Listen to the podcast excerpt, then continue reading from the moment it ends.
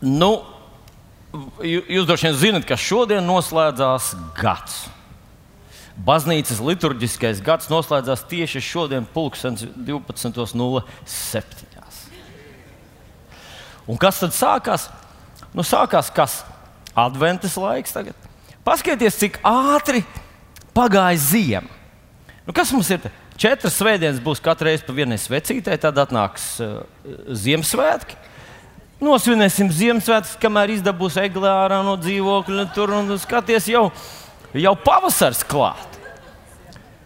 Tā dzīve, īpaši tā zima, viņa skrien tik ļoti ātri, ka mēs pat nepaspējam tos kažokus izvilkt ārā, izpurināt kodus nu, no, no viņiem. Tā kā vajag laicīgi jau vilkt kažokus.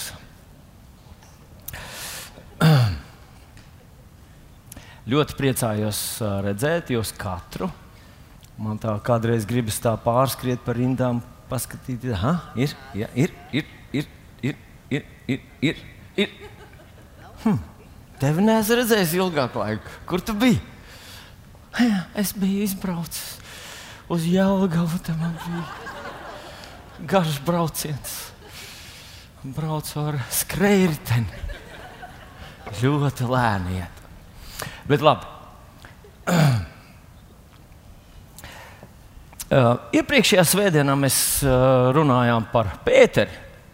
Un atcerieties, Pētera dzelzceļa loģiku. Vai- jūs atceraties? Un Kā lai tu cilvēks staigā pa ūdeni, kad šitāds vējš un tādi viļņi? Vai ne? Atcerieties, kurš? Nu, pareizi, nu, taču nevar staigāt. Nu, tad nomierina vētru un viļņus, un tad es staigāšu. Nu, es, es nezinu, vai, vai jūs arī tā domājat, bet uh, man tāds sajūta, ka Dievs man uzrunāja, kad uh, nevajag iespringt par vēju un iespringt par viļņiem. Tu jau dzīvo brīnumā. Un es jau dzīvoju brīnumā 56 gadus. Es zinu, izskatās, ka 57, bet Tas ir tikai laulības uh, sekas. Jā, nē, īstenībā, īstenībā laulība man uztur vēl, mūsu operators saka, no tālienes tu izskaties uz 20 gadiem, bet tāpēc viņi cenšas nevilkt man tuvumā. Jā, rekur, rekur, jā, brālis man teica, ka nevar tev vilkt klāt, jo Jā, jo tu tuvumā izskaties uz div- uz 22 gadiem. nu, jā. uh, mēs dzīvojam brīnumā. Mūsu valsts ir brīnums, tava dzīve ir brīnums. Tas, ka tu esi dzīves līdz šai dienai, ir brīnums. Un tur visur ir bijusi klāta Dieva roka. Dažreiz, kad tu esi jauns, tev liekas, nu, ka tu taču visu esi pats sasniedzis. Ja tikai bikses kājās, kuras tēvs nopirka, un krakls, kur mamma izgludināja, un, un, un, un, un, tā tālāk. Bet kur tu tas dievs ir? Nu, tas dievs ir bijis klāt no ieņemšanas brīža. Bet man nemaz tā dzīve nebija tik viegla. Nu, tāpēc ja viņam vajadzēja būt klāt, ka nebija viegli, nebija vienkārši. Un viņš būs ar tevi līdz beigām. Dieva mīlestība būs ar katru no mums. Un skatieties, nu kādreiz mēs tā cilvēku vērtējam, kāds ir skaists, kāds nav tik skaists, kāds ir turīgs, kāds nu, viņam nekā daudz nav, kāds ir jauns. Un tad ir Kad es biju jauns, es tiešām domāju, ka vecie cilvēki tie ir tādi īpaši, ir Japāņi, ķīnieši, vecie cilvēki. Nu, ka viņi vienmēr ir bijuši veci un mm, tādi viņi vienkārši ir. Nu. Tāpat kā čukčus ir čukčus, veci ir veci. Un tagad es pats eh, tuvojos tam. tam Man jau zelta fonds sūta apsveikums, jau katru mēnesi vēl palikuši četri gadi. vēl četri gadi. Un mēs svinēsim, jā, Kādreiz tevi svinīgi uzņēma Svētdienas skolā, un kādreiz te uzņēma skolā svinīgi. Un tad te uzņem zelta fondā arī svinīgi. Svinības visu mūžu garumā, es jums saku, bet, bet mēs kādreiz šķirojam cilvēkus. Dievs mūs visus redz pilnīgi savādāk. Un viņš kādreiz uzrunāja savu pravieti, kas bija tāds uh, nu, gudrs, svaidīts pravietis Samuēlā. Dievs viņam teica, Dievs nevērtē kā cilvēki vērtē. Un arī tu, kā tu pats sevi vērtē, Dievs tevi tā nevērtē. Viņš skatās daudz dziļāk, daudz uzmanīgāk. Viņš skatās iekšā tavā sirdī, un viņa acīs tu esi milzīga vērtība. Tu, Dieva acīs, varbūt visā Latvijā tu esi pēdējais. Varbūt tev nav daudz, kas apbrīno tavas profesionālās varēšanas, tavu izskatu, vai tavas finanses, vai tavu prāta spējas. Bet Dieva acīs tu esi tik ļoti vērtīgs, ka Viņš sūtīja savu vienpiedzimušo dēlu, lai tevi iegūtu. Viņš grib tevi debesīs. Bet viņš nevar sagaidīt debesis. Viņš jau grib tevi šeit. Viņš grib ar tevi personīgas attiecības. Viņš grib, lai viņš var tevi uzrunāt, iedrošināt. Lai tad, kad ūdens smeļas mutē, un cilvēka dzīve ir tāda brīža, kad ir šausmīgi grūti. Un nevienmēr to cits no malas var pateikt. Kādreiz liekas, kas tev vienkārši nomierinies, atslābsti un tā tālāk. Bet, kad tu esi tur taisa savās kurpēs, kādreiz tev ir tik ļoti smagi. Es nejauši dzirdēju, uh, Latvijas rād, pirmajā rādio runāja kāds uh, psihologs. Un tad viņai jautāja, nu, vai tā pašnāvība, nu, doma un tās noslēdzas par pašnāvību, vai tas ir tikai tādas masturīgo cilvēku problēmas. Un tad tas psihologs teica, tā agrāk es domāju, ka tas ir tā. Jo es strādāju ar cilvēkiem, kuri nāca pie psihologa, kurus valsts apmaksāja. Šobrīd es strādāju privātā iestādē, uz kuru nāk tikai tie cilvēki, kas var maksāt diezgan daudz, maksāt, lai viņiem palīdz tikt vaļā no pašnāvības. Un viņa teica, tagad es esmu ieraudzījis, ka šī problēma ir arī bagāto, turīgo, glancēto žurnālu vāku, uh, modeļu un, un uzņēmēju un politiķu un, un, kā mums saka, sabiedrības dāma. Un, un, vai par sabiedrības kungu arī saka? nu, jā, tā ir arī viņa problēma es, es to saku tādēļ, ka neviens no malas nevar īsti nojaust to, kur tu esi un cik grūti tev ir. Un tas ir tas brīdis. Tas tiešām ir tas brīdis, kad Dievs gribētu un vēlas. Viņš kādreiz stiep savus caurdurtās rokas tev pretī, kad tu saki, es esmu viens, neviens mani nedzird, visi ir no manis novērsušies. Nu, parasti tā ir paša cilvēka tāds redzējums. No viņa ne, ne, neviens nenovēršas. Viņam ir tāds sajūta tikai, ka novēršas. Bet pat ja tā arī būtu, pat ja tā būtu, ka visi no tevis ir novērsušies, ir viens, kurš dedzīgi ar tādu kaisli vēlas tev piespiesties klāt, vai vēlas, lai tu piespiedies viņam klāt. Tas ir tavs radītājs, kurš zināja un pazina tevi pirms tu piedzimi. Kurš sauc tevi vārdā, zināja, cik tev būs matu, zināja, kādu tev atskrās, zināja, kam visam tu savā dzīvē ies cauri. Viņš jau tevi pazina un gribēja tevi turēt savā apskāvienā visu tavu mūžu. Un pēc tam, pēc tam, mūžības svētdiena, šodien mirušo piemiņas diena, vienā dienā tu arī būsi miris priekš tiem, kas dzīvos. Bet priekš Dieva tu būsi atdzīvojies. nu, tā eh, pārnestā nozīmē, jo arī šobrīd tu ar viņu esmu. Bet tad tu viņu redzēsi ar savām acīm. Tu varēsi sajust viņu roku savas muguras. Tu varēsi sajust mīlestību, kas līst no viņa skatiena. Tu sajutīsi, ka viņa vārdos ir prieks par tevi. Un nevis tāda pārmetuma, nožēla un kaut kāda tāda, tāda apnikuma nots. Dievs tik ļoti, ļoti mīl katru no mums.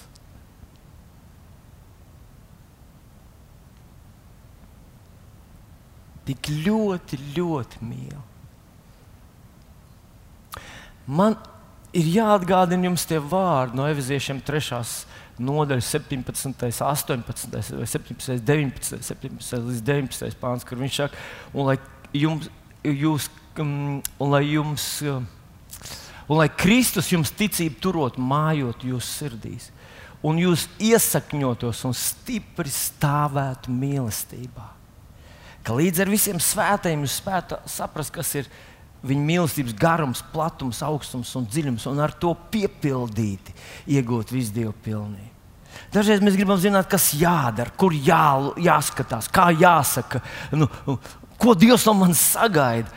Bet tu nevari izpildīt to, ko Dievs no tevis sagaida, ja tu neesi vispirms pārliecinājies, ka tevi mīl bez nosacījumiem. Bez nosacījumiem. Tevi mīl bez nosacījumiem pilnīgi bez nosacījumiem.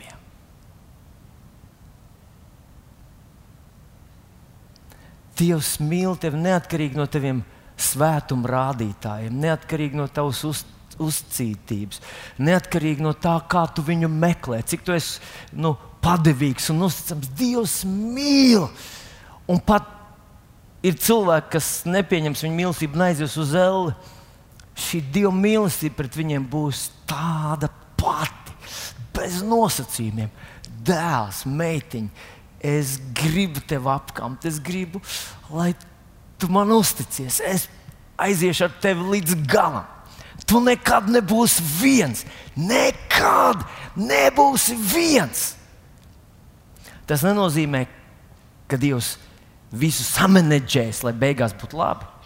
Viņš to varētu izdarīt bet viņš to nevar izdarīt bez tavas sadarbības. Dieva brīnumam vienmēr ir divas daļas.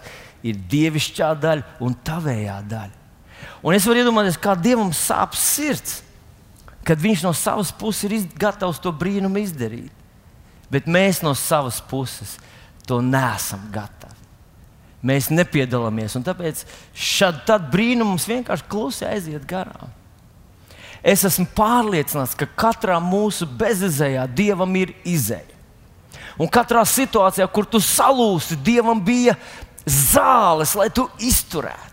Dievam bija cerība tavā bezcerībā. Dievam bija zāles tavā smagajā slimībā, tavā drūmajā finanšu krīzē. Dievam bija konkrēts plāns, kā no tās tevi izvest ārā.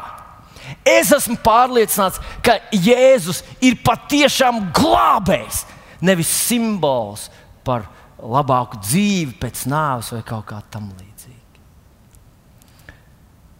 Un tas, ko mēs darām, kad mēs mācāmies viņu vārdu, lasām viņu vārdu, studējam viņu, mēs mācāmies atvērties Dievam vai lai nopozicionēt sevi viņa brīnumam. Bet pat ja tu to nepieņem, Pat ja tu vienkārši dzīvo kā parasts dabīgs cilvēks, Dievs mīl tevi vienalga. Es nebiju plānojis to runāt, bet es nevaru no tā paiet nost. Paklausieties, draugi. Es domāju, ka nākošais gads būs vēl. Tā ir mana sajūta, ka nākošais gads būs tāds mm, labvēlīgs gads kā Bībele saka, ka pēdējās dienās cilvēki pirks, mm, ēdīs, dzers, precēsies uz nebēdu. Tas būs tā tāds ekonomisks pacēlums gads, un nākamais tāds arī būs. Un kā cilvēku aizmirsīs par visu, es ticu, ka tu tāds nebūsi. Ka tu sapratīsi, hei, hei, hei, hei, hei, hei, hei, hei. Nu pat, nu pat, nu pat jāsāk brīnīties, uz kurien visas vilciens trāžas. Un tad būs kāds noraus stopkrānu, būs tāds - un ko, kas? Tad tev nevajadzētu tur nonākt. Tev vajadzētu jau saprast, ka šis ir tāds īpašs laiks, ka tuvojas tā kunga atnākšana, tuvojas visi tie, tie dramatiskie pēdējo laiku notikumi. Un mēs nevaram tapt kā visi. Skatieties, Romiešiem 12. Pāvils saka, un netopiet šai pasaulē līdzīgi. Ja tu paskaties, ka visi kaut kur skrien, paiem malā. Ja visi kamp naudu, visi dzenās, visi, visi nu, dzenās pēc lielā eiro. Gan arī pateicis pēc lielā rubļa. Rublis jau daži vairs nezina, kas tas rublis ir. Tad tu to nedari. Nekļūst kā visi. Jo visi ieskries sienā vienā dienā. Visi, viss pūlis ieskries sienā un būs ļoti pārsteigts par to, ka ir nonākuši tur, kur nonākuši. Bet tu esi Dieva bērns. Dievs tevi mīl. Viņš grib tevi uzrunāt, brīdināt. Un tāpēc tu pavadi laiku ar Dievu. Tu klausies, ko Viņš saka. Tu saki, kungs, runā, runā, tavs kalps klausās. Un viņš teica, ka viņa avis dzird viņa balsi. Viņš teica, ka mēs saņemsim svēto garu. Viņš teica, viņš jūs brīdinās par nākamām lietām. Dievs grib tevi pabrīdināt par nākamām lietām. Viņš negrib, lai tu informāciju saņemtu no portāliem, no, no televīzijas ekrāna. Ziniet, ir cilvēki, saka, kas saka, ir sazvērestība pasaulē. Tur visā tur tie lielie kaut kādi multinacionālās mm, kompānijas ietekmē visu, ko mēs domājam, ko mēs runājam, kas mums patīk un tā tālāk. Es domāju, ka tā sazvērestība ir daudz lielāka nekā mēs varam pat tie, kas tic šīm sazvērestības idejām.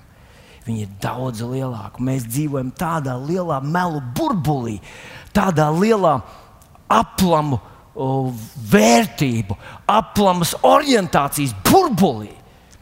Ka, ja no turienes mēs saņemam savu informāciju, mēs līdz ar visu pūli metamies tā kā tas cūkas. Atcerieties, tas cūkas, kurās ieskrēja dēmoni, viņas visas spiegdams, visas laimīgas, ka beidzot dabū izskrieties, skrien uz augstu peldi.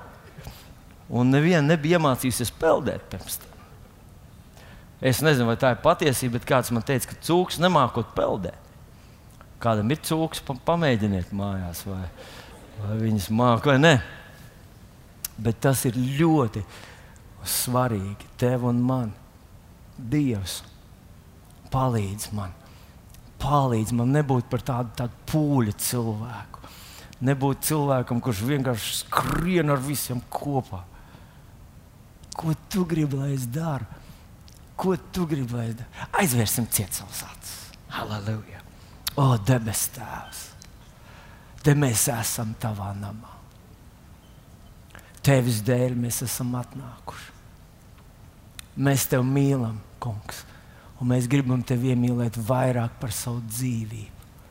Vēl vairāk, vēl vairāk, vēl vairāk iemīlēt tevi. Un mēs gribam dzirdēt tevi, dzirdēt tevi.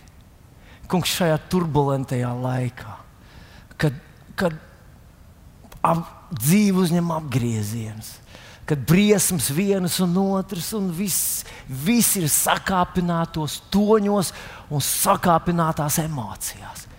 Mēs gribam saglabāt mieru savā sirdī un dzirdēt, ko tu mums saki. Kungs, palīdz mums! O, kungs, svētais gars, palīdz mums! Palīdz mums! Palīdz mums! Kungs, mēs esam tavi draugi. Palīdz mums! Palīdz mums! Halleluja! Palīdz mums! Palīdz ķēniņ! Palīdz! Palīdz! Palīdz!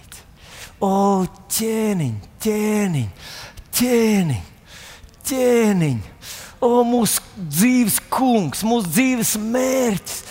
palīdz mums nekļūt par aklu, kurlu un nesaprātīgu pūli, kas vienkārši skrien tur, kur viņus virza atlaides. Bet ka mēs dzirdētu, saprastu un paklausītu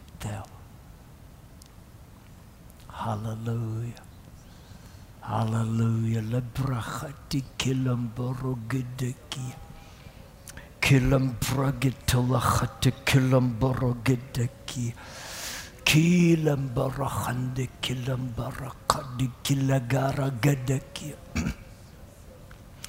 هولم برختي ليدك دكي هللويا هو تاوس تاوس ديوس تاوس Dievs, tavs Dievs.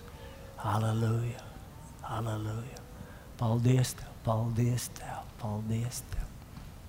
Halleluja! Slavu Jēzu!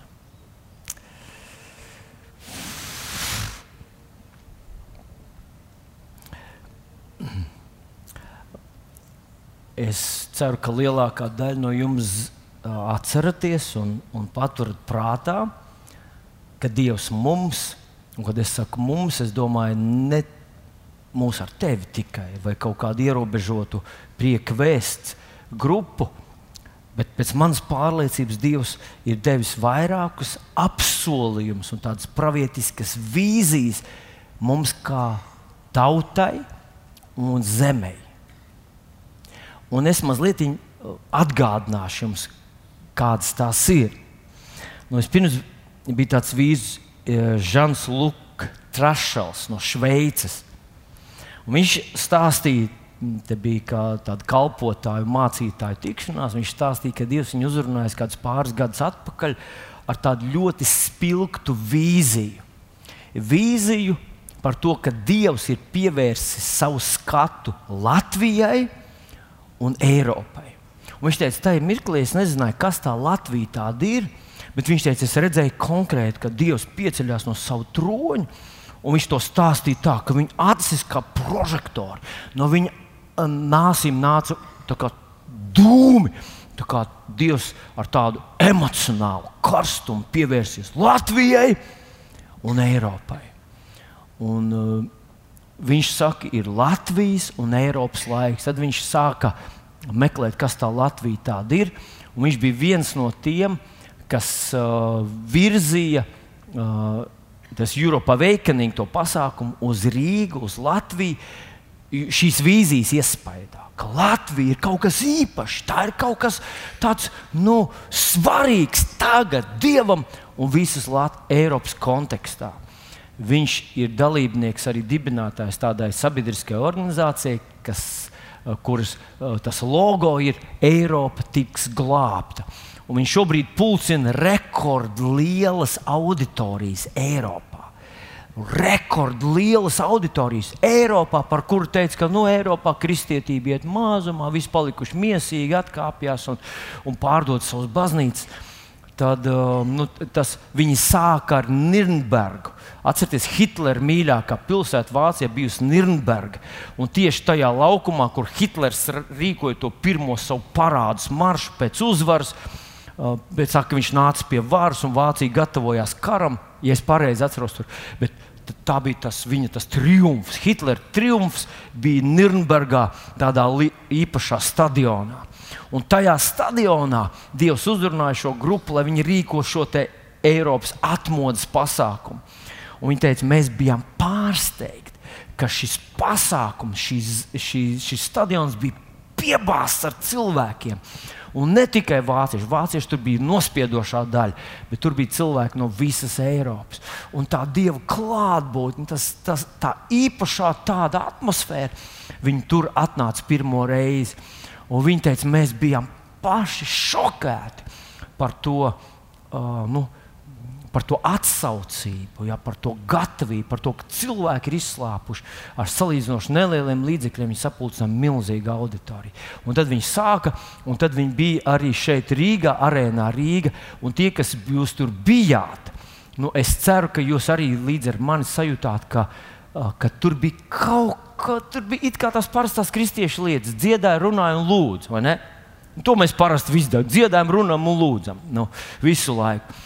Bet tur bija kaut kāda īpaša atmosfēra, tāda kaut kas tāds, nu tāds, kaut kas tāds jauns. vai kaut kas ļoti aizmirsts, vecs. Kaut, kaut tāda klātbūtne tur bija jauka. Nu, lūk, tad viņš, viņš tādā stāstīja mums, kā viņš ieraudzīja to, ka Dievs ar tādu mm, dedzību skatās uz Latviju un Eiropu. Tad bija tāds Krista Volotons, tas gan bija desmitajā gadā, viņš to bija pravietojis šeit Latvijas saimā. Un es toreiz jau dzirdēju šo viņa pravietojumu vārdu, bet es noklausījos viņus, un, un tas bija tā kā tādam mirušam kompresam uzlikt. Nu, neiedarbojās, jā, nu, pa vāju. Es it kā nesadzirdēju tos vārdus.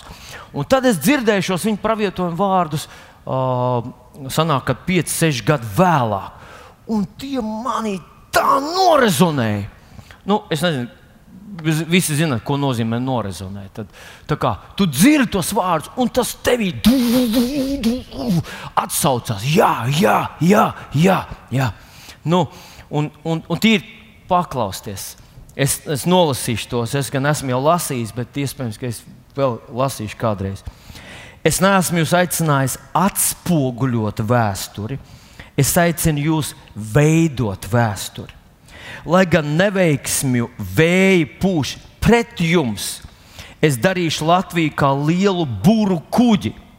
Vējš, kas sūtīts, lai jūs iznīcinātu, nokļūs aiz burām un vadīs jūsu ekonomiku. Es lietošu neveiksmes kā meistarīga keramiķa rokas, kas jūs pārveidos par skaistu tautu. Es gribu jūs padarīt par Eiropas kroņa dārgakmeni, modeli kultūras reformācijai. Zelts būs jūsu jūras, sudrabs jūsu meži, bronza jūsu turisma nozara. Radošums, kreativitāte izplūdīs no Latvijas kā liela upe. Teātris, filmas, televīzija, mākslas būs ūdens. Tiks izveidots pasaules līmeņa centrs aktieriem, māksliniekiem un sapņotājiem Es redzu kādu kā Volts Disnejs, ceļoties no nabadzības, kas izveidos attrakciju parku, kas apdullinās pasauli. Vecā nauda atradīs jaunus piedzīvojumus, sirmgalvi atkal sapņos, kā brīvības apliecinājums atkal skanēs zvani, bet šoreiz tā ir vārda brīvība. Vārda brīvība, vārda brīvība. Ar lielo burtu vārda brīvība. Tas nozīmē, ka vārds viņš skanēs tā, kā viņam jāsaka. Es runāju par Dievu vārdu. Es pārliecināts, ka par to iet runa. es redzu mākslas augstskolu, kas tiek veidota tur, kur rūpnīca reiz apspieda cilvēkus. Tad tur, kur kādreiz noplicināja cilvēkus, padarīja visus pelēkus un vienādus, tajā vietā būs tas simboliski Tur būs vieta, kur cilvēkos atraisīs viņu potenciālu, atraisīs viņu prasmes, talantus, dievu ieliktās dāvanas. Pelēkais tiks aizstāts ar krāsu. Halleluja! Paklausieties vēl. Un, un, jā, tur, kur ža, uh, Kris pravietoja, ka Latvija ir Eiropas kroņa dārgakmens, apmēram tajā pašā laikā, pirms tam viens pravietis, ar kuru mēs nu, esam pieraduši saukt vienkārši par līgu, pravietoja, ka Latvija ir pēle Eiropas kronī. Un te ir doktrīnas, nu, sadurās pareizi. Pērle vai dārgakmens, tad kas ir? Manuprāt, pērle ir dārgakmens. Un, nu, vīriešiem varbūt tās pērles tā, tā nevisai, bet, bet Mums patīk, nu labi, es, beidziet, jūs nesaprotat mans joks. Ir jau var, es būtībā esmu no, no laukiem. Nu, paklausieties vēl vienu rakstietni. Jēzus 60. nodaļa, apmēram divi gadi atpakaļ, Dievs mūs uzrunāja vienā jaungadā ar šiem vārdiem: Celies, topi apgaismot, jo tava gaisma nāk. Tā kunga godība uzlec pār tevi. Tik tiešām tumsība apklāja zemi un dziļa krēsla tautas, bet pār tevi. Vai tu vari to pagriezt tieši savā virzienā, bet pār mani? bet pār mani. Kas tev sagaida nākotnē? Dievs saka, bet pār tevi, bet pār tevi, bet pār tevi, bet pār tevi. Kā saule uzlec tas kungs, un viņa godība parādās pār tevi. Tautas staigās tavā gaismā, un ķēniņi tai spožumā, kas uzlēcis pār tevi. Pacel savas acis un skaties visapkārt. Tie visi ir sapulcējušies. Nāk pie tevis, tavi dēli no tālienes un tavas meitas uz rokām atnestas. Pasakiet, ka tas nav precīzi par mums, par šo laiku. Mūsu dēli ir apmēram, daži pat saka, miljonus ir izbraukuši, un mūsu meitas tur kaut kur aizbraukuši tālu prom un jūtās tur labi. Vai tas ir iespējams, ka viņi atbrauks atpakaļ?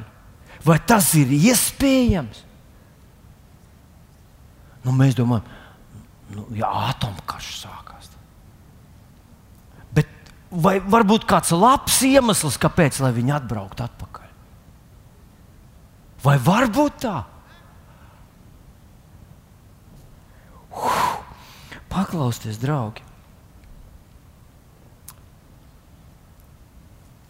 Jums nerodās tāda sajūta, ka Dievs runā to, ko mēs gribam dzirdēt. Tā var būt. Nu, kad viņš runā, mēs runājam pāris, pāris svētdienas atpakaļ. Starp citu, cik Bībelē ir apsolījumi? Uh, nejautāšu Armīnam, viņš noteikti zina no galvas. Lietā arī nejautāšu, viņš zina. Es zinu, vis, visuzmanīgākais klausītājs ir uh, Andris. Andri, labi. Cik Bībelē ir apsolījumi? Irēnīt vēlreiz. Dodiet aplausus uh, Irēnai. Bībelē ir 3573 apsolījumi. Kāds bija pēdējais?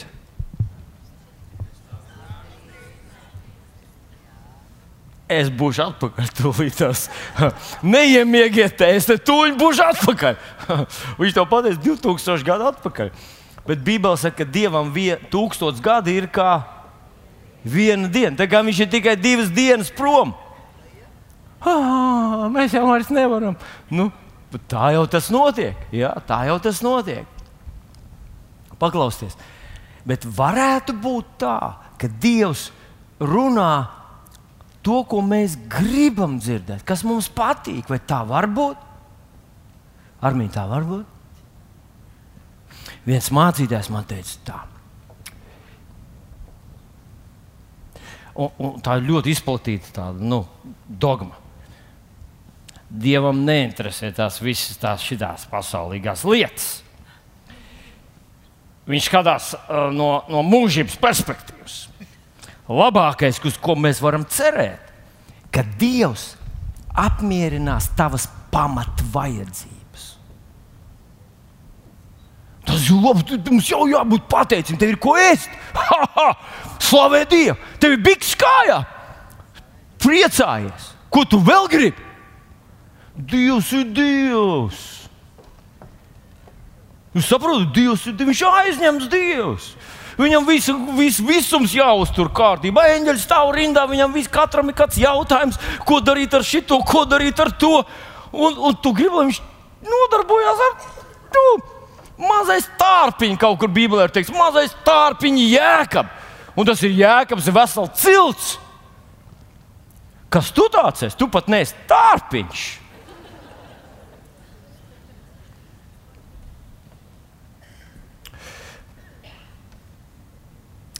Man, es šodien esmu savu laiku iztērējis citām lietām, man neizdosies jums pierādīt, bet es jums parādīšu vienu uzskatām piemēru, kur ir mums Eliots. Eliots ir, ir vēl šeit? Ir vēl Eliots šeit? Nē, joprojām. Dabūjiet man Eliotu. Kitī? Tur ir kitī? Nē, tā nav kitī. Dabūjiet man lūdzu.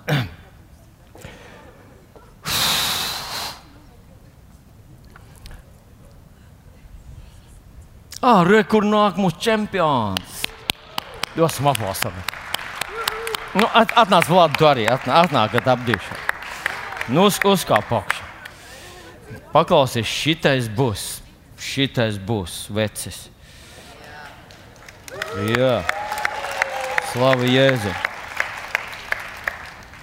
Eliotam ir tētis un māmiņa. Tētis un māmiņa. Un tētis un māmiņa, nu, normāls tētis un māmiņa rūpējas par savu bērnu. Bet tas ir pareizi? Jā. Un, un ko, ko vajag ziemā? Nu, Reku Eliots ir smuki apģērbts, viņam ir smuks džemperīts, viss ir viņam. Uh, Eliot, kas tas ir? Tas? Ā! Kas tas ir? Dinozaurs ja jūs uzmanīgi paskatāt, pavērot, viņam ir ne tikai silts, moderns, uh, tīrs džemperīts, bet uz džemperīša ir virsū dinozaura uh, zīmītes. Jūs paskatieties viņam rokā, ziniet, kas ir viņa mīļākais dzīvnieciņš? Dinozaurs. Kad viņa teica un māmiņa aiziet uz veikalu un saprot, ka dēlam vajag jaunu džemperīti, viņi ne tikai skatās, lai viņš būtu praktisks, lai viņš būtu silts, lai viņš būtu skaists. Viņi meklē kaut ko, kas sasaucās ar to, ko Eliots vērtē. Un viņš vērtē dinozaurus. Un tāpēc viņam ir džemperīts ar dinozauru. Un viņš bija prasījis, vai Jēzum patīk dinozauri. Jēzum patīk dinozauri. Debesīs būs dinozauri. Debesīs, kad mēs ar tevi nonāksim, tur būs daudz dinozauru. Būs. Eliotu dārziņā būs skraidījis apkārt, tur būs vairāk dinozauru. Ko es ar to gribu pateikt? Skatieties, kad džemperīšs iepērk bērnu nama saimniecības pārzemes, viņš iet veikalā, paskatās cenu, kvalitāti un nopērk. Viss! Un nu, mūsu valstī mēs visi zinām, ir akcija. Un tā akcija, tas sauklis varbūt nav precīzi, bet viņš ļoti tuvu tam slikta ģimene ir labāka par labu bērnam. Un bērnam ir trīsreiz ēdināšana, džemperītis, uh, silts, kurpes ir standarts, uh, siltums ir normāli, tur vienmēr ir atvērtas durvis. Un skatieties, slikta ģimene ir labāka nekā labs bērnams. Un valsts mērogā mēs gribam dabūt bērnus ārā no vienkārši vietas, kur apmierina mūsu pamata vajadzības. Uz vietu, kur kāds rūpējas par mūsu vērtībām. Kādam rūp tas, kas mums patīk, tas, kas mums ir, ir, ir, ir nozīmīgi. Eliot, tu esi ļoti skaists puisis. Tu esi tik, es, tas tiešām Opa lepnums. Paldies tev! Tu vari doties atpakaļ pie sava tēta. Jā.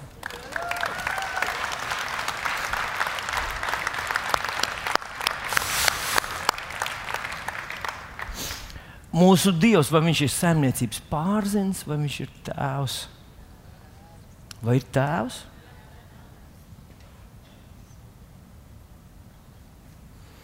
Jūs zināt, mums kādreiz mūsu draugs tajā eh, nelielajā kolektīviņā, kādreiz mēs eh, te.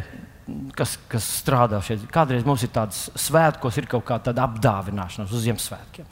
Un tad parasti ir tā, ka nu, jānopērk dāvaniņa 5 eiro vērtībā, un tad mēs apēdam kūku visu kopā un viens otru apdāvinam. Ja tev nepasaka, kam jānopērk dāvana, tikai jānopērk, pieņemsim, sievietei dāvana 5 eiro vērtībā. Nav problēmas, pareizi, armija. Iej superneto. Tu, tu vari jebkurā kioskā iet garām un nopirkt dāvanu par 5 eiro. Ko tu pirksi sievietei 5 eh, eiro vērtībā? Svecīt, pareizi, un vēl viena lieta. Šokolāde? Nē, šokolāde. Nu, labi, armijas pirkt šokolādi. Bet visbiežāk atbild, ko esmu dzirdējis, ko pirkt sievietei 5 eiro vērtībā ziepes un svecīt. Es jautāju, ka, uh, Ziepes es vēl saprotu, bet kāpēc svecīt? nu, jūs saprotat, ja, ja tu neko nezini par to cilvēku, tev ir ļoti viegli nopirkt dāvanu viņam. Man, mans gada grūtākā diena ir, ziniet, kāda? Kad līgai tuvojas dzimšanas diena. Jo es visā Latvijā nevaru atrast dāvanu priekšlīgas. Es staigāju, tagad es lūdzu visus, gan arī pateicu visus svētos, bet es teicu, Dievs palīdz man. Ziniet, vienreiz es saņēmu tādu ticības drosmi, iegāju vienā veikalā. Un likās, ka pārdevēja tādu kompetentu jau gados. Nu, viņi pieredzēs, ko vīrieši pērk mīļai sievai uz dzimšanas dienu. Un viņi man nopārdeva tādu dārgu oranžu somiņu. Viņa teica, šis ir tonis, šī gada tonis. Viņai patiks, tā ir moderna sievietes soma. Un es nopirku tādu lepnu, nopirku oranžu somu, noslēpu mājās visu. Un, un tagad es domāju, kā viņa būs šokēta, kad es pasniegšu viņai tagad to oranžo somu.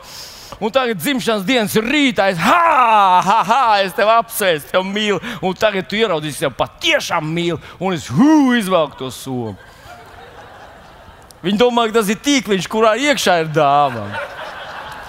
Tā bija dārga soma.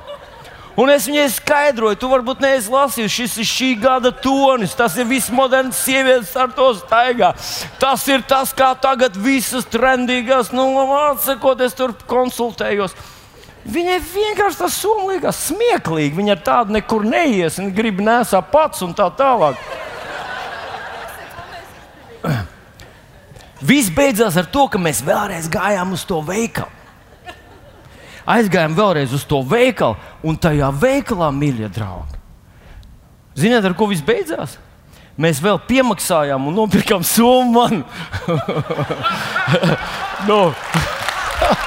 Samainījām, devām to, no piemaksājām. Bet, ziniet, kāpēc es to stāstu? Kad tu kādam tuvam, dārgam cilvēkam, tu gribi, lai tā dāvana ir saskana ar to, ko viņš vērtē, kas viņam patīk. Tu gribi, lai, lai, lai tas e, ne tikai no apmierina viņa vajadzību, bet lai tas ielīgsmo viņa sirdi. Es nebrīnos par to, ka Dievs dod lietas, kuras mēs gribam. Es nebrīnos par to, ka Dievs grib dot tev personīgi lietas, kuras tev patīk, kuras tu gribi. Es nebrīnos, ka viņš skatās tavā dvēselē, kā tētis, kā tēvs, un saka, es gribu savam bērnam tādu dāvanu, kas viņu iepriecina. Es par to nebrīnos. Es vienkārši to redzu, ka tas ir loģiski. Un man ir rentās rakstvietiņas, vienkārši šodien mums nesanāca laika. Bet uh, es, es divas jums parādīšu. Divas rakstvietiņas, un, un manuprāt, manuprāt, viņas ļoti stipri par to runā. Tā pirmā raksturvietiņa ir Psalms 37.3. Psalms 37.3. Un tur rakstīts sekojoši vārdi. Piedodiet, 37.4.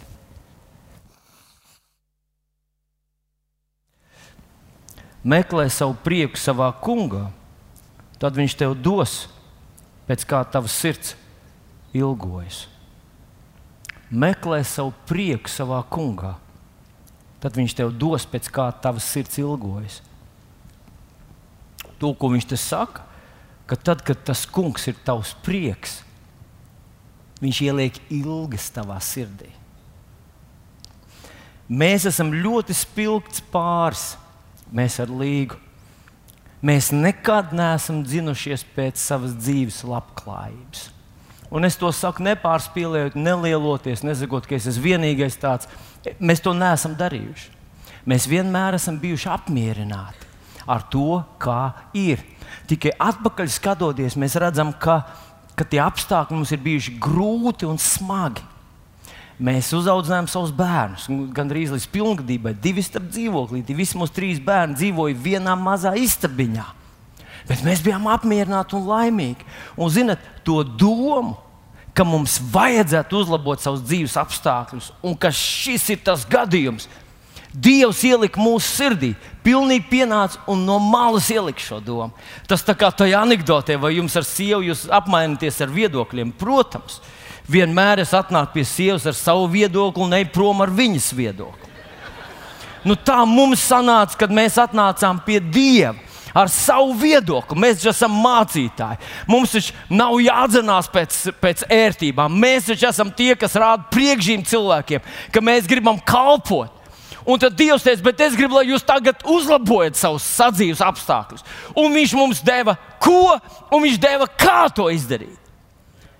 Un es esmu pārliecināts, ka ja tu atrodi prieku savā kungā, un es nerunāju šobrīd par to, ka Dievs dara visu, ko tu gribi, pēc tavām, tavām miesas apetītēm. Jo atcerieties, vienreiz mācekļi uh, teica Jēzum, kad viņus neielaida vienā ciematā, viņi teica Jēzum, mēs gribam, lai mēs lūgsim, lai uguns krīt no debesīm un viņus visus sadedzina. Un ko Jēzus teica? Viņš teica, nu kā jūs puiši gribat, ja jūs tā gribat, ja? Viņš teica, nē! Tas vēl aizvien ir spēkā. Ja jūs pēc miesas dzīvojat, tad jūs mirsiet. Ja tevi vada tavas miesas apetītes un iegribas, tad sekas būs sliktas.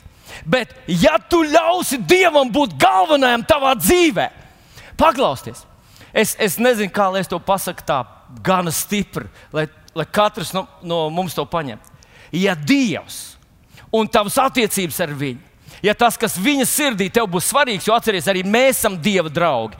Mēs nevis vienkārši gribam izpildīt sarakstu, tās minimālās prasības, ko lai es izdaru, lai es tieku debesīs, bet arī mēs gribam izdarīt to, kas viņam svarīgs, to, kas viņam ir nozīmīgs. Mēs nevis vienkārši noupurējam kaut ko, bet mēs gribam atrast to upuri, kas viņu patiešām iepriecina. Tādai vajadzētu būt tavai sirdī, ja tu sauc sevi par Dieva draugu. Bet, ja viņš ir tavs draugs, ir ļoti spilgts gadījums. Ļoti spilgts gadījums, ļoti spilgta ilustrācija. Un tā ir no, no viena vīra dzīves. Bībelē par viņu uzrakstīts, ka Dievs atnāca pie viņa un teica, gluži kā mēs esam paraduši, kā zelta zīltiņa saka, ko lai es tev, ko lai es tev daru? Pasaki man, ko lai es tev daru? Un visi mēs zinām, ko viņš teica. Ko viņš teica? Kā viņš sauc to puisi? Andri, kā sauc to puisi? Atkārto, ko sieva teica. Pareizi. Nu, Salamans. Bet skatieties, viņš saka, Dievs dod man gudrību. Bet, bet ja tu esi ķēniņš, ja tu esi ķēniņš, nu es tā pie sevis tā praktiski domāju, iespējams, ka jūs man nepiekritīsiet.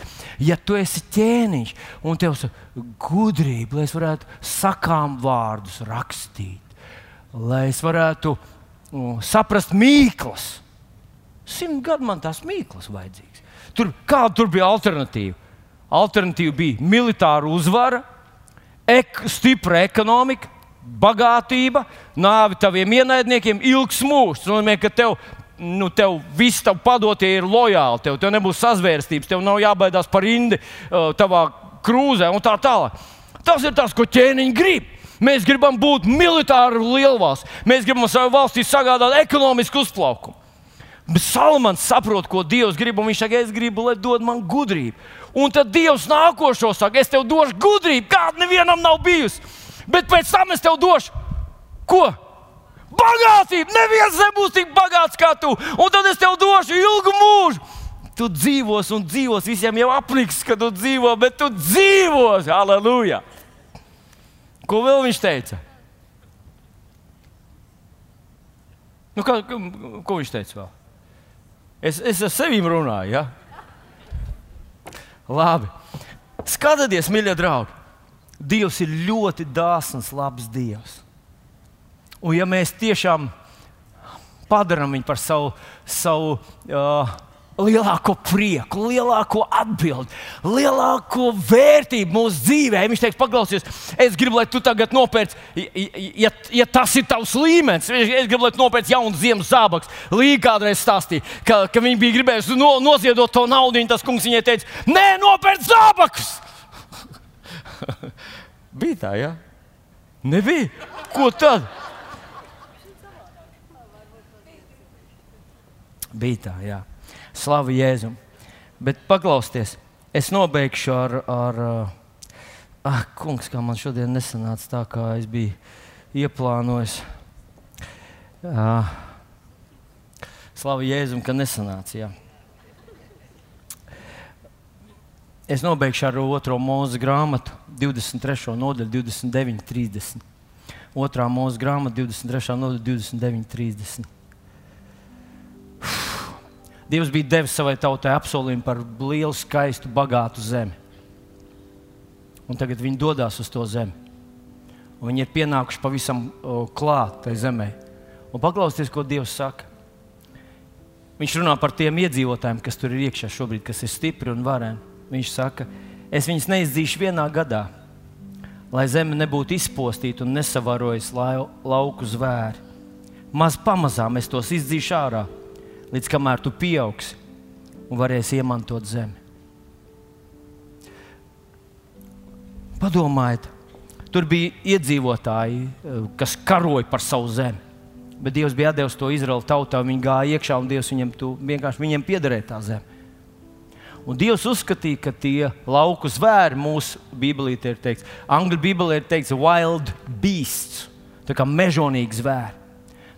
Mūsu, no mūsu skatu punkta, no 21. Ga, ga, skatu punkta skatoties, liekas, ka tie nav problēma. Toreiz tā bija problēma. Un, ja Dievs būtu devis viņam uzreiz visu to apsolīto zemi, efekts būtu pilnīgi otrādāks. Viņi nebūtu gatavi tam, un viņi nespētu ieņemt, viņi pazaudētu to savu dāvāto, apsolīto zemi. Viņš saka, es viņus pamazām tev došu, Sa saskaņā ar to, kā tu pieaugsi. Un esmu pārliecināts, ka tieši tā tas darbojas apsolījuma, liela apsolījuma, kalpošanas apsolījuma, apsolījuma par tavu dzīvi, apsolījuma par to, kā Dievs tevi svētīs, un cels, un vedīs un, un vadīs. Apsolījumi par draugu, apsolījumi par mani, man, manā dzīvē, man personīgi. Apsolījumi tautēm darbojas tieši šādi. Tas nav tā, ka Dievs nāk šādā dienā, visu nomet, un ja Viņš mūs nomestu, ja pie, pieņemsim, nu, Tas var būt tāds ģētīgs salīdzinājums, bet pieņemsim, prieku vēsts vien, vien, vien mēneša laukā, laikā izaug par desmit tūkstošu lielu cilvēku lielu draugu. Nu, vispirms tā situācija, ar kādu būtu jāsastopas man kā šīs draudzes mācītājam, viņi būtu totāli atšķirīgi no tā, kā ir tagad. Jau tagad par mums šādu un tādu raksta sliktas lietas, bet savā laikā es lasīju par um, Džonu Ostīnu. Par Džonu Ostīnu? John, jā, par Džonu Ostīnu. Viņam ir vesela universitāte, Džona Ostīna Universitāte, Lakevudā, uh, Kalifornijā. Nu, vārds ko? Ka vietējā avīzē katru dienu, katru dienu ir kaut kas uzrakstīts par viņu negatīvi. Katru dienu. Te bija viena mirklī, TV netā bija, bija negatīvs kaut kāds rakstīns par mums.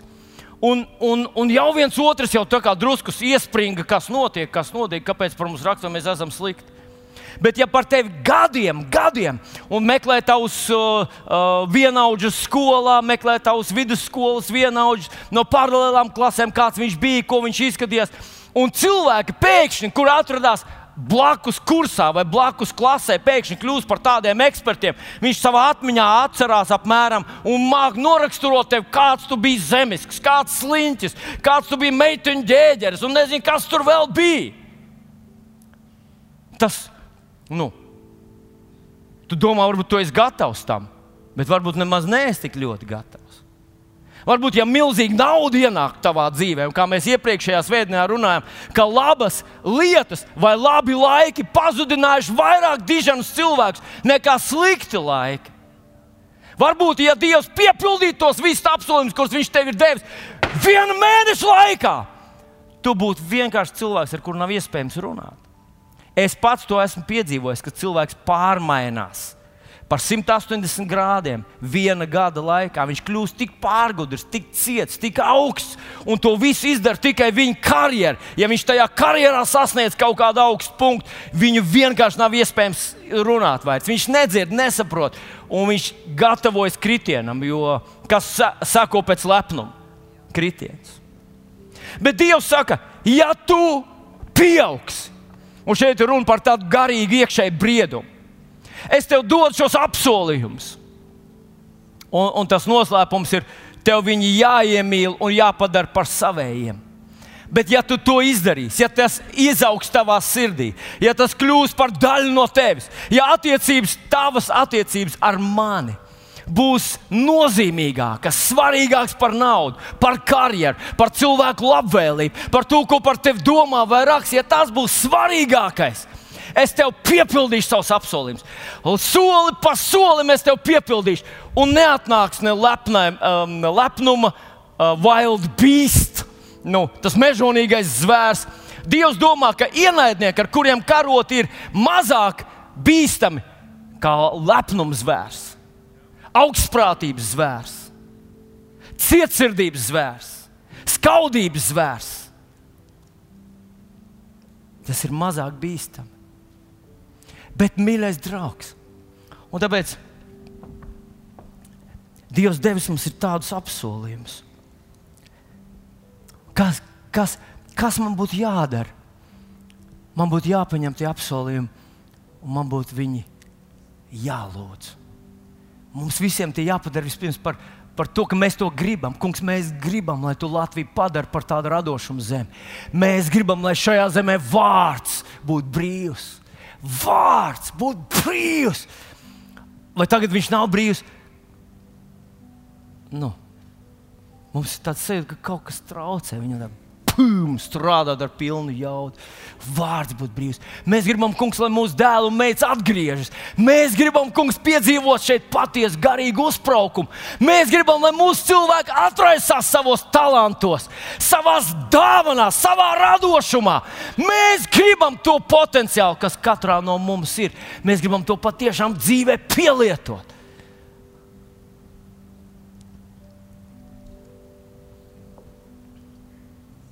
Es uzdošu tikai pēdējo jautājumu. Ja Jēzus savas kalpošanas laikā vienreiz aizgāja vietā, kur atradās ļoti daudz smagi, slimi, bezcerīgi cilvēki, pie Betesdas dīķa. Un tur bija cilvēks, kurš tur gulēja 37 gadus. 37 gadus, 37 gadus cilvēks guļ nekustīgi, jo, jo viņš nevar pakustēties. Viņš gaida uz ūdens kustēšanos. Un, vai jūs atceraties, ko Jēzus pajautā tam puisim, kad viņš pienāca viņam klāt? Ko? Vai tu tiešām gribi tapt vesels. Un, ja jūs uzmanīgi paskatīsieties visus Jēzus notikumus, ko viņš dziedina kādam, jūs atradīsiet divas lietas. Viena ļoti nopietna lieta, un tā ir, ka griba iet kopā, te, tas ir pāris tas ir pavadonis. Griba iet kopā ar ticību. Tu negribi tās lietas, kuras tu domā, ka nav reālas. Un tās tikai tās lietas, kuras tu domā, ka ir reālas, ka tu tās vari sasniegt, ka tās ir iespējams piedzīvot. Tikai tās tu patiešām gribi. Un, ja tev kāds prasa, kas ir tas, ko tu tagad gribi visvairāk, un ja tu saki,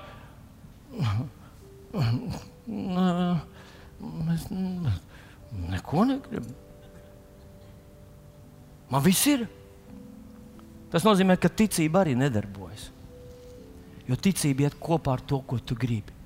Un, ja mēs gribam, lai Latvijā uzplaukst, ja mēs patiešām to gribam, Jēzus varētu mums pienākt klāt un pateikt, vai tu, tu to gribi? Un, ja, ja, ja tu negribi, tev jāsaka, godīgi, kungs, kaut kas ar maniem nav kārtībā. Ja Latvijas kristiešiem šodien Dievs jautā īstenībā, Nu, paklausieties, nu, 37 gadi ir pagājuši. Jūs esat bijuši tur, kur jūs esat bijuši. Vai jūs tiešām gribat kaut ko izmainīt? Jā, tā kā, kaut ko izmaini. Ja? Paskatās ārā rudens, da, da, cilvēki miegaini un, un, un ko lai mēs te izmainām. Tā, tā teica tas puisis. Vai mēs, kungs, tas ir tas, ko es gribu. Līga šodien teica, kaut ar pastāvām, bet bet glābt Eiropu. Tā ir tā attieksme. Dievs, man ir viena lūkšana. Un, ja Dievs parādās, tad Dievs saka, Vilni, es izdarīšu vienu lietu, ko tu gribi.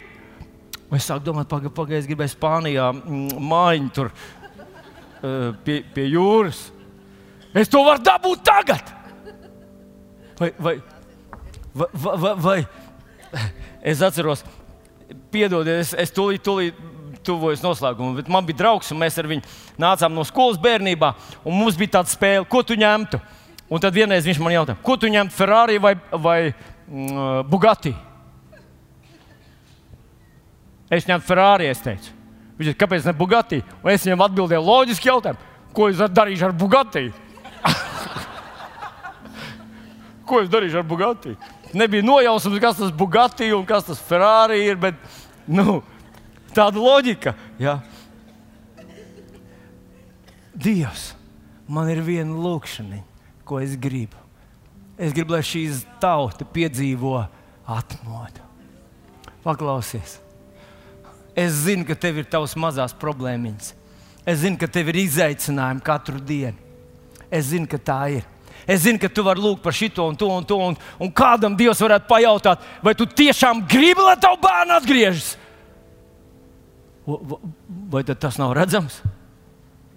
Vai tu tā rīkotos, ja tu tiešām gribētu, lai viņi atgriežas?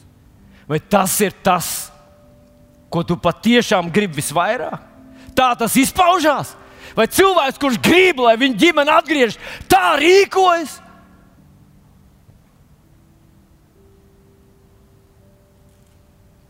Jā, īstenībā es esmu samierinājies ar to.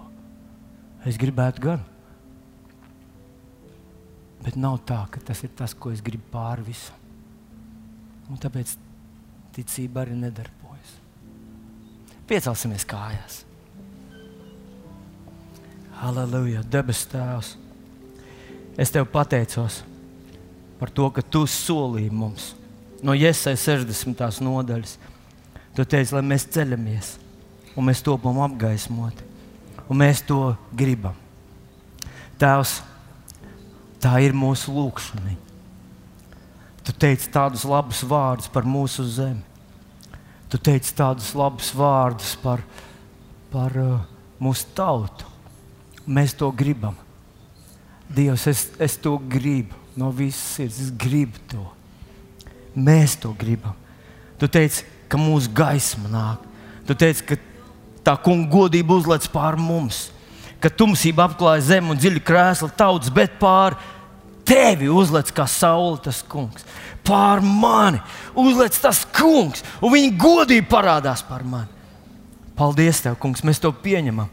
Kungs, mēs gribam skatīties apkārt, mēs gribam redzēt, kā nāk pie mums mūsu dēli un mūsu meitas. Un viņi atgriežas ne izmisuma dzīti, ne vajāti, ne nabagi, ne bēgot, bet lai viņi atgriežas mīlestības vadīti. Ar, ar, ar labiem nodomiem, ar, ar pozitīvām uh, lietām. Dievs atved mūsu bērnus, kā te ir teikts, uz rokām atnes. Tas runā, ka viņi nebēg. Kungs, paldies Tev! Paldies Tev par to uzplaukumu, garīgu uzplaukumu laiku, kur Tu esi mums dāvinājis. Tu teici, ka Tu mūs padari par gaismu citām tautām. Tu teici, ka tu mūs padari par gaismu citām tautām. Paldies, Tev, Kungs! Paldies, Tev, Kungs! Paldies, Tev, Kungs, par šo Žānu Luka redzējumu, ka Tu esi pievērsies Latvijai. Latvijai! Dievs, Dievs, mēs to gribam! Mēs to gribam! No visas sirds. Kungs, Latvija! Tā ir mūsu sirdī! Tā ir mūsu sirdī, Kungs! Vairāk nekā mūsu personīgais mazais dārziņš, vairāk nekā mūsu personīgā labklājība. Dievs, Dievs, paldies par Latviju! Paldies par atmodu Latvijā, Jēzus vārdā. Paldies, Tev, Kungs, ka mēs varam veidot vēsturi, kā Latvija, kā dievbijīga tauta, kā svētīta zeme, veido vēsturi. Ka mēs veidojam vēsturi, Dievs, ka mēs ietekmējam procesu, ka mēs esam galva un neasti. Es tev pateicos par to vēju, kas iekļūs mūsu burās un pacels mūsu ekonomiku. Tev par godu. Paldies, tev, kungs, ka tu lieto kā meistarīgi keramiķa rokas, lai pārveidot mūs par skaistu tautu. Paldies tev par skaistu Latviju un skaistu tautu šeit. Paldies tev, kungs, ka Latvija ir pērle un dārgakmens. Pērle un dārgakmens Eiropā. Paldies, tev, ka zelts ir mūsu jūras, un sudrabs mūsu meža, un bronza turisma nozara. Ka radošums izplūst no Latvijas kā upe. Dievs, kas šeit mēs atraisamies, uzplaukstam. Dievs, kas šeit mēs mīlam un ticam, un nevis apskaužam un viļamies. Paldies tev mūs, par mūsu zemi, Kungs! Es tev pateicos, Jēzus vārdā, Dievs, tā ir mana lūkšana. Tā ir mūsu lūkšana, kungs. Mēs neesam egoistiskāki par Latvijas dibinātājiem. Mēs neesam egoistiskāki par tiem, kas noliks savas dzīvības, kungs, lai izglābtu, lai atkarotu, lai aizstāvētu. Mēs arī noliekam savu dzīvību, lai tu svētī šo zemi, svētī Latviju, svētī Latviju, kungs, ar atmodu, ar tādu patiesu, garīgu atmodu. Svētī Latviju, svētī Latviju, lai vārds ir brīvs. Lai vārds tavs ir brīvs no aizspriedumiem, no kavēkļiem, no neticības, no bailēm, no opozīcijas. Svētī mūsu zemi, kungs. kungs. Mēs to lūdzam no visas savas sirds. Halleluja, lebrah. Kad mirklī vēl būsim Dieva priekšā? Kungs, paldies Tev! Kungs, paldies Tev! Kungs, paldies Tev! Kungs, mēs šodien atstājam vienaldzību. To tādu domu, ka ne, ne mana cūka, ne mana drūva. Dievs, tā ir mūsu drūva un mūsu pienākums. Mēs esam šīs zemes sāls, un mēs esam šīs pasaules gaisma. Mēs esam tie, kam rūp, mēs esam tie, kam sāp, mēs esam tie, kas var. Un mēs pateicamies par šo tavu garu kustību, par Dievu godību, kas apspīd, atspīd, ietekmē, maina, kas transformē mūsu kultūru. Dievs, paldies Tev par to! Paldies Tev par to! Paldies Tev par to! Halleluja! Un mēs pateicamies par valdību, kungs, par tiem politiskiem procesiem, kas tur aizkulisēs tiek bīdīti, nemākulīgi vai nedroši. Mēs nezinām, Dievs, bet mēs pateicamies par Tavu roku tajā procesā. Un mēs pateicamies, ka nevar notikt nekas, kas atnes destrukciju. Mēs stāvam pretī katriem demoniskiem plāniem. Un mēs sakām, ilgspējīgi, gudru, dievbijīgu, gudru valdību Jēzus vārdā. Halleluja! Un mēs pateicamies par tiem turbulentajiem procesiem, par to vēju, kas mūs zen uz priekšu, kas gribēja iznīcināt, bet pacels mūs jaunam skrējienam un jaunai ticībai Kunga Jēzus Kristus vārdā. Halleluja! Halleluja! Halleluja! Halleluja! Halleluja! Halleluja! Halleluja! Tēvs, Dievs, paldies Tev par glābtu manu zemi. Halleluja! Slāva Jēzu! Slāva Jēzu! Slāva Jēzu! Halleluja!